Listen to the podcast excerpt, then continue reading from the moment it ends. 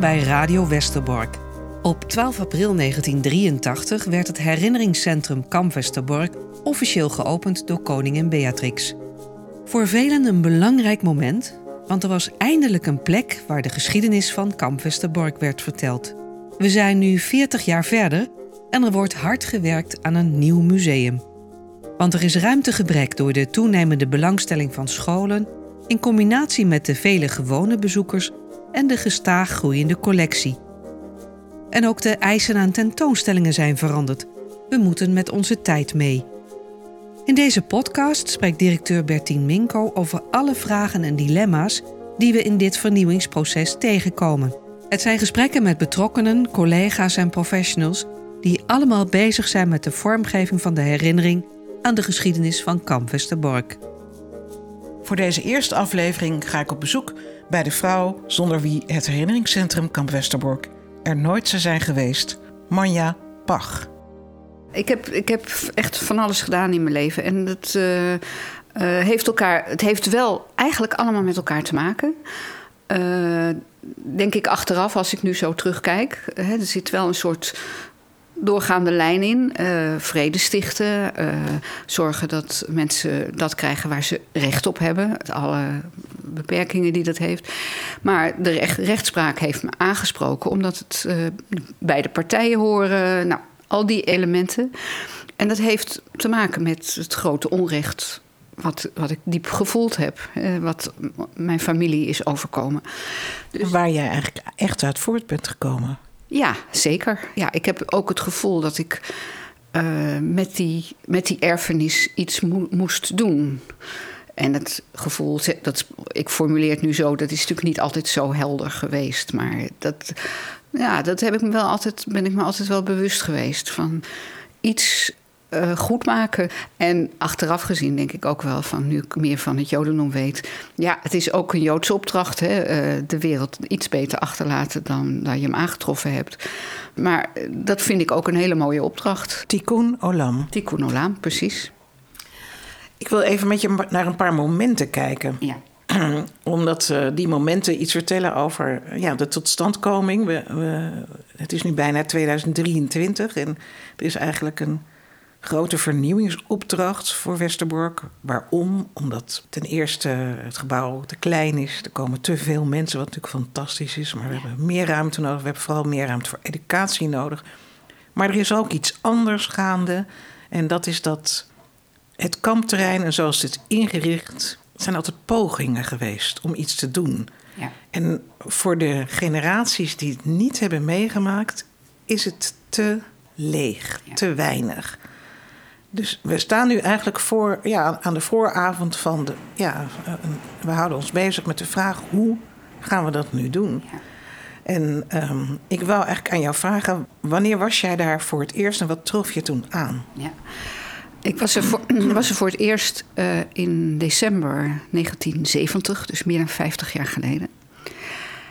En wat ik aantrof, ik was er samen met mijn vader en mijn stiefmoeder en een hele goede vriendin. Uh, en uh, het hele kamp stond daar nog. Alle barakken. Uh, mijn vader heeft ons daar rondgeleid en gezegd: hier was het crematorium, hier was de strafbarak, hier was de keuken.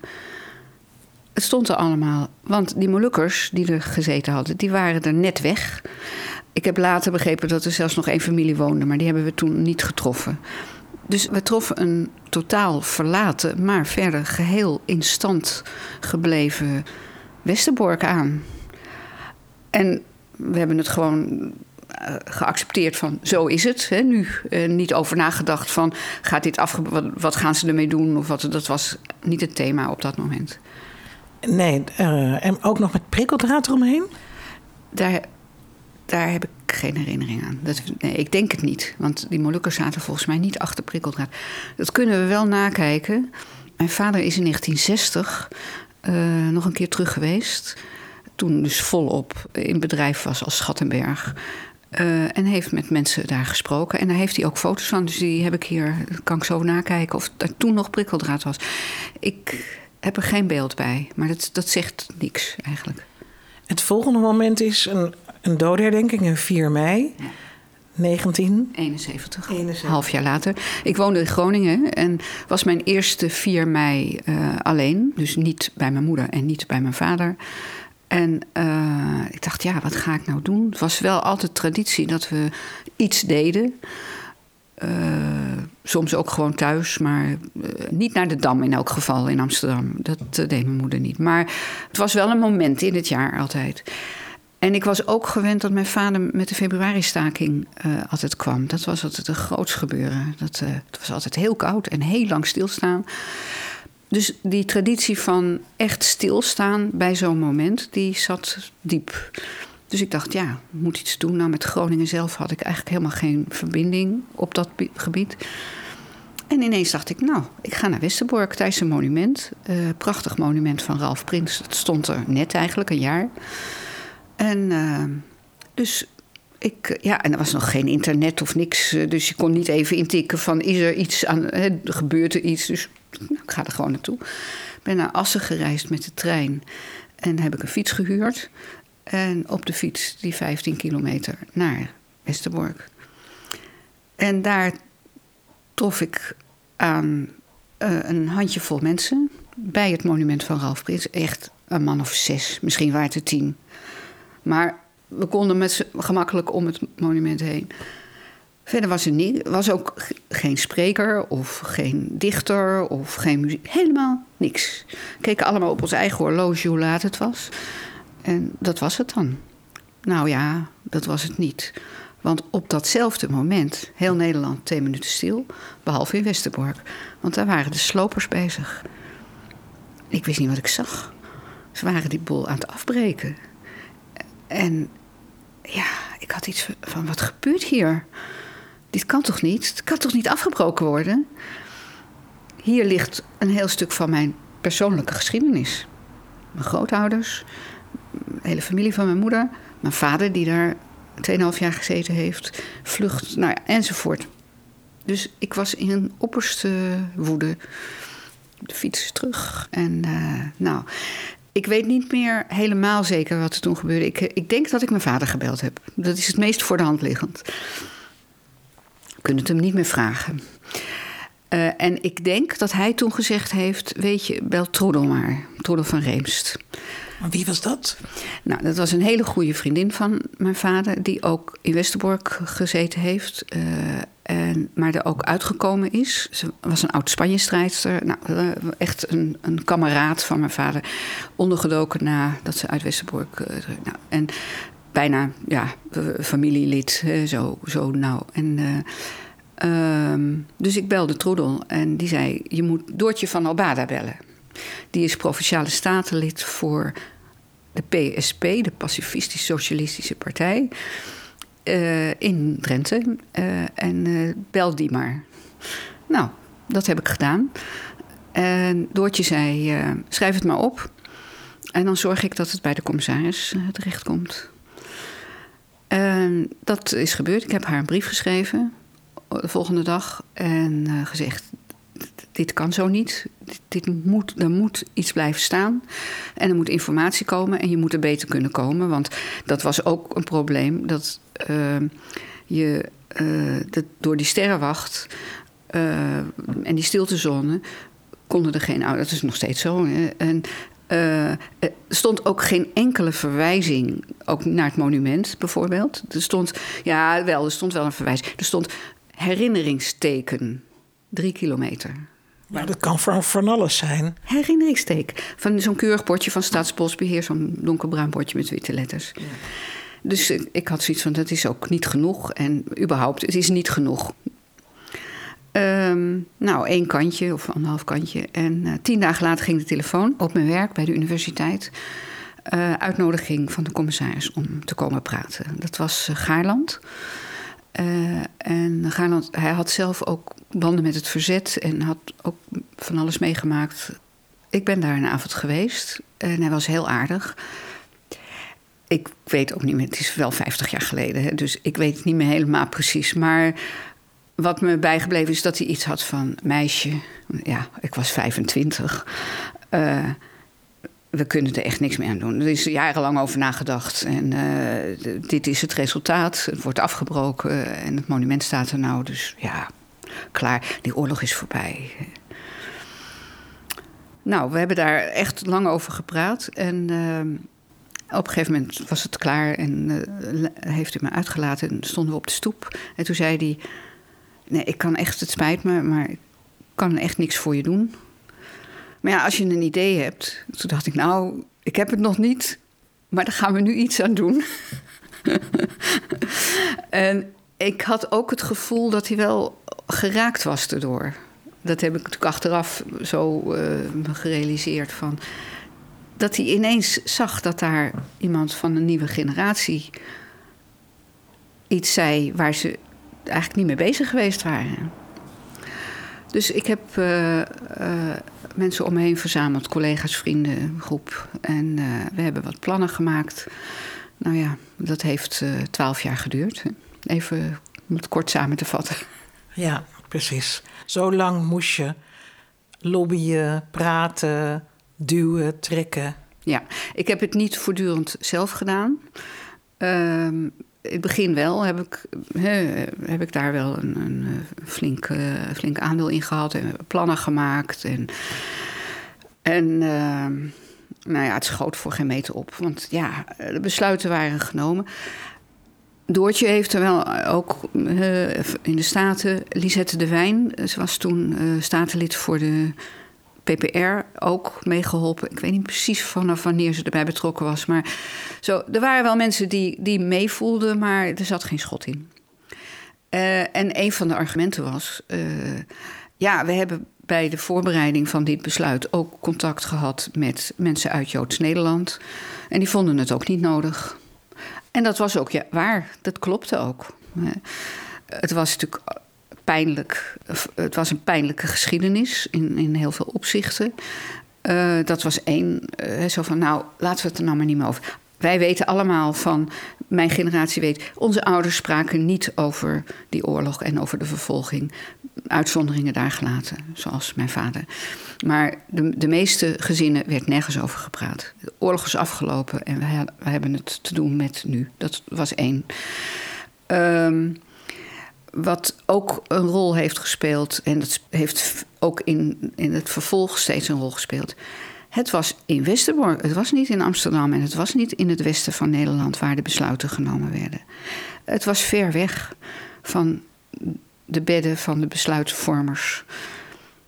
En dat was ook precies de bedoeling. Precies, dat was in de voorgeschiedenis ook. Dus dat heeft nog tot zover doorgewerkt. Ja. Wanneer is het omslagpunt gekomen? Het omslagpunt kwam uh, in 78, toen Tineke Schildhuis commissaris werd. En daar wil ik nou iets leuks over vertellen. Het is pas 14 dagen geleden was ik bij een theatervoorstelling. De Vrouwen van Troje. Heb je daar uh, iets over gelezen? Uh, de groep Dood Paard heeft deze theater... Het is van een Portugese theatermaker. de, de oorlog in Troje, zoals verteld door onze moeders. En tijdens die voorstelling dacht ik... Tot 1971 waren het alleen maar mannen geweest die over Westerbork beslist hadden.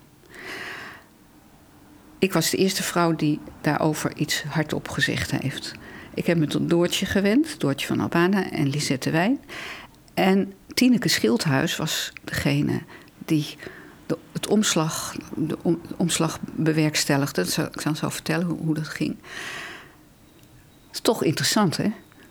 Ja, dat die vrouwen toch kennelijk een, ja, een, Ander, uh, een hele andere visie op de wereld uh, en op, op ander herdenken. Ander perspectief, ja. ja. ja. Heb ik me nog nooit gerealiseerd. Want ik, ik ben er niet zo heel erg mee bezig. Zo van, ik doe gewoon wat ik nodig vind. En uh, nou ja, vrouw of niet. ja. Maar zo ben ik ook wel opgevoed. Dat, nou, um, Tineke kwam en um, die had het dossier en, van Westerbork en die, die had iets van: wat is dit een rare, rare geschiedenis? Ik begrijp hier helemaal niks van. En eh, toen heeft ze iedereen die zich in de voorgaande tien jaar over dat onderwerp geuit had, aan tafel uitgenodigd. Zo van: uh, Nou, vertel het nou maar eens. Wat is, wat is daar aan de hand en waarom zeurt dat maar door en schiet het niet op? Dus dat waren mensen van de Sterrenwacht natuurlijk, van Staatsbos, uit de Staten. Um, Mauko Puit, de hoofdredacteur van het NIW, die erover geschreven had, die het ook niet nodig vond dat daar wat gebeurde. En ik, ik weet niet meer precies hoeveel we waren, kunnen we wel nakijken, maar het, ja, Mau en ik waren het grondig met elkaar oneens. En iedereen werd er heel zenuwachtig van. Dan hebben we twee Joden in het gezelschap. En vier meningen. Ja, precies. De enige die er niet zenuwachtig van werden waren wij, want wij vonden dat normaal. maar het is tussen Mau en mij wel helemaal goed gekomen, want wij reisden altijd met de trein. En hij moest dan Amsterdam en ik naar Den Haag, waar ik inmiddels was komen wonen. Uh, nou, toen eh, is het goed gekomen. Ik heb hem overtuigd. Een lang verhaal kort, tussen 78 en wanneer opende het centrum? In 83? Ja, het heeft natuurlijk even geduurd. Want die eerste bijeenkomst, weet ik ook nog heel goed... die ging eigenlijk over de toegankelijkheid. Dat je er niet kon komen en dat de wegwijzering niet goed was. En ook wel een beetje over de informatie, maar dat was... Ja. En... Uh, vooral over die toegankelijkheid. En toen we min of meer klaar waren en het wel eens waren dat het beter moest, toen heb ik gezegd van uh, ja, en nou de rest. Want uh, dit is niet genoeg. Er moet iets komen waar, verteld, waar het verhaal verteld wordt. Op deze plek. Nou, toen moest dus een nieuwe vergadering komen. Nou, heeft vijf jaar geduurd. Wat stelde jij je er toen bij voor? Wat ik belangrijk vond, was dat er informatie gegeven werd. En dat vind ik eigenlijk nog steeds. Dat is een leidend iets. Vertel wat daar gebeurd is. Gewoon feiten. En dat kun je op heel veel verschillende manieren doen. En het moet nu anders dan toen. Want geen internet en geen. ook de, boeken waren. Er was natuurlijk ook veel minder boeken eh, dan nu. Eh, dus eh, je, je, je moet zorgen dat wat, wat er aan harde feiten, aan controleerbare feiten is, dat dat daar gepresenteerd wordt. en de rest is variabel. Uh, maar stelde je je toe voor dat er een, daar een, barak zou staan? Ja, dat was de, de uitkomst. Uh, het idee dat we op het kampterrein één barak zouden neerzetten. Uh, en dat daar dan in die barak een, uh, een kleine expositie met informatie zou komen. Nou, daar waren we het heel eind over eens. En op een gegeven moment is er, is er een ontwerp voor die expo gekomen. Met ook een tekst. En die tekst die was zo abominabel slecht. Dat, uh, ik zei, ja, dat kan echt niet zo. Dat, uh, dat gaan we niet doen. Toen zei ik, waarom vragen we niet aan de directeur van het uh, Riot... of hij zijn licht hierover wil laten schijnen. Hè? toch een autoriteit op dit gebied. Was toen Papen. En ja, dat vond iedereen wel een goed idee. Nou, en dat is een gouden greep gebleken, want het Riot had in opdracht van de Nederlandse regering in de jaren daarvoor de, het Nederlandse paviljoen in Auschwitz ingericht. En daar een prachtige expositie voor gemaakt. Met Dick Elvers als kunstenaar en Paap als uh, uh, tekstman en documenten enzovoort. En ja, ze hadden wel eens gehad over een, een, een replica daarvan in Nederland. Maar ja, Amsterdammers, hè, dus ja, waar moet je dat dan neerzetten? Ja, op de dam. Precies. Ja. In het, in het uh, koninklijk. Uh... Ze waren gewoon niet verder gekomen. Tot wij hiermee kwamen. Ja, terwijl in die expo zat natuurlijk ook dat treinbord Westerbork, Auschwitz. Maar ja, Westerbork, ja, daar ergens op de Drentse hei. Ze waren er ook nog nooit geweest. Dus, dus nou, dat was, dat was het moment. En toen, ja, toen was het eigenlijk. Uh, en dat is er ook gebeurd? Dat is gebeurd. Nee, er is geen barak op het kamp terechtgekomen. Nee, want die expo was natuurlijk te groot voor die barak. En toen, uh, bovendien, uh, de Sterrenwacht zag natuurlijk erg op tegen al die bezoekers. En, nou, dus toen, en toen is dus besloten om, waar nu het centrum staat, om, om dat te bouwen. En, en nou ja, toen is die replica daar gekomen. Ik las ergens dat jij schreef over een weekend vlak na de opening, waarop jij ook uh, vrijwilligersdienst had. Ja. ja, want we hadden natuurlijk we hadden niet heel veel geld. Uh, en uh, we hadden twee arbeidsplaatsen in het kader van een soort stimuleringsprogramma voor het noorden van het land. ik ben precies de naam vergeten. En dat waren twee mensen die werkloos waren en die konden daar te werk gesteld worden.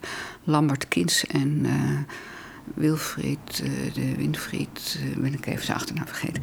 En, uh, maar ja, twee mannen. Dus ze hadden ook vrijwilligers nodig. En toen heb ik met een vriendin samen in een, hebben een vakantie, fietsvakantie georganiseerd. Vanuit het westen. Zij wonen in Amsterdam en ik in Den Haag. En we zijn op de fiets daar naartoe gegaan, hebben een beetje rondgetrokken en hebben daar een weekend uh, vrijwilligersdienst gedaan. Ja. En, en, wat, wat zag je toen? Nou, ik zag dat er heel veel mensen kwamen. Ik weet niet, ook niet meer precies hoeveel, maar er, kwamen mensen. En dat was wat ik wilde. Hè. Ik was natuurlijk apen trots dat het gelukt was na al die jaren. En, en ik was heel blij. Dat, uh, en ik denk dat we ook wel mensen op het kampterrein... dat weet, weet ik ook niet meer precies hoor. Maar uh, ik kon natuurlijk van alles vertellen. Dus uh, dat heb ik ook gedaan. Ja. Ik heb wel foto's van, van wij op, met de fietsen in, uh, in Hooghalen. Maar niet. Dat, ja, we hadden nog geen um, smartphone uh, en zo. Dus we, we, hebben daar geen foto van gemaakt. Ik wil nu even een hele grote sprong gaan maken. Want we zijn nu. Ja, het is 40 jaar verder. We hoeven niet al die 40 jaar door, nee, wat je er allemaal. Nee. Liever niet. Maar um, we zitten wel op een soort van ja, kruispunt. Uh, je bent zelf ook uh, aan het uh, dingen aan het afsluiten. Aan het, dus de generatie die het heeft meegemaakt, of van vlak na de oorlog, is aan het verdwijnen. Ja. Dus al die verhalen uit eerste hand, die zijn er eigenlijk bijna niet meer. Nee. Maar um, we hebben nieuwe generaties en die moeten we wat vertellen. Zeker. En wat moeten we ze vertellen? Ja.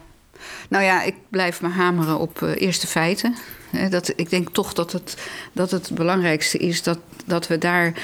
Uh, dat we dat vasthouden. Dat uh, zeker in deze tijd, met al die verschrikkelijke uh, complottheorieën en ontkenningen ook, hè, dat, dat gewoon daar waar je het kunt documenteren en kunt laten zien, dat je dat ook absoluut moet doen. Dat is, naar mijn gevoel, het allerbelangrijkste. Um, ik voel me niet heel erg in staat om. Uh, kijk, ik heb wel een computer, maar ik werk er natuurlijk niet zo mee als uh, mijn kleinzoon. Hè.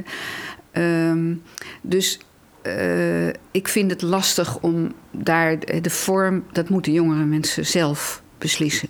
En uh, als je ze de feiten geeft, dan kunnen ze dat ook. En het zullen, zullen ongetwijfeld mensen te vinden zijn die dat, die dat kunnen. Uh, ik heb ooit eens ergens gelezen: herinneren is een werkwoord. Dat vind ik een hele mooie. Ik weet niet wie het gezegd heeft, maar dat vind ik ook wel een mooi uitgangspunt. Het is werken. Het gaat niet vanzelf. En dat kun je natuurlijk ook aan, aan de toekomstige generatie meegeven. Je moet er wel iets voor doen. Uh, uh, en ehm, het begint met vragen stellen. Dus mensen stimuleren om vragen te stellen. En daar dan niet kinderachtig in zijn ook. Wat bedoel je daarmee? Nou, alles mag gevraagd worden. Hè? Uh, er bestaan geen foute vragen? Nee. Nee. Er zijn wel foute antwoorden soms. Hè, maar de, nee, ik, ik denk inderdaad dat er geen foute vragen bestaan. Ik heb vaak in die afgelopen 40 jaar gedacht... nou, nu is het wel klaar voor mij. Hè? Nou, één les, het is nooit klaar. Dat is ook iets om mee te nemen. Het is nooit klaar. En waarom niet? om dezelfde reden als, jij die, als waarom jij die vraag nu stelt. Van, omdat elke nieuwe generatie weer een eigen perspectief heeft. Een paar weken geleden hoorde ik iemand op de televisie zeggen: uh, voor de oorlog. En hij bedoelde voor de oorlog in Oekraïne. Maar voor ons is voor de oorlog voor 40. En toen dacht ik: ja, zover zijn we nu. Voor de oorlog. We hebben een nieuwe oorlog. Dus het perspectief is ook alweer heel erg veranderd. Um, dat moet je allemaal, ja, dat moet je op een of andere manier allemaal meenemen. En de enige manier is om daar ook jongeren bij te betrekken, denk ik zelf.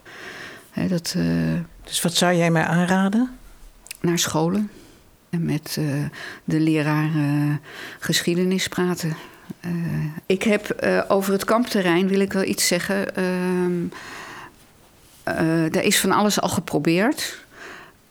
En ik kom eigenlijk steeds weer uit op de leegte. Maar ja, het is wel mijn perspectief. Dat besef ik heel goed. Ik vul het in en ik kan het invullen. Maar toch, denk ik, het, die leegte die staat wel ergens voor. Die staat voor de grote moord en het verdwijnen van het grootste deel van Joods Nederland. Dus uh, koester de leegte. Dat, dat zou ik je mee willen geven. Ja. Nou, ik hoor het.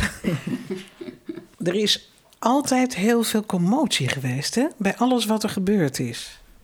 Nou, niet bij alles. De dingen waar het niet bij gebeurd is, die, die zijn niet geboekstaafd. Ik denk de grote lijn. Er, zijn, er is commotie geweest bij een aantal dingen. Sommige heb ik begrepen, de eh, meeste heb ik niet begrepen.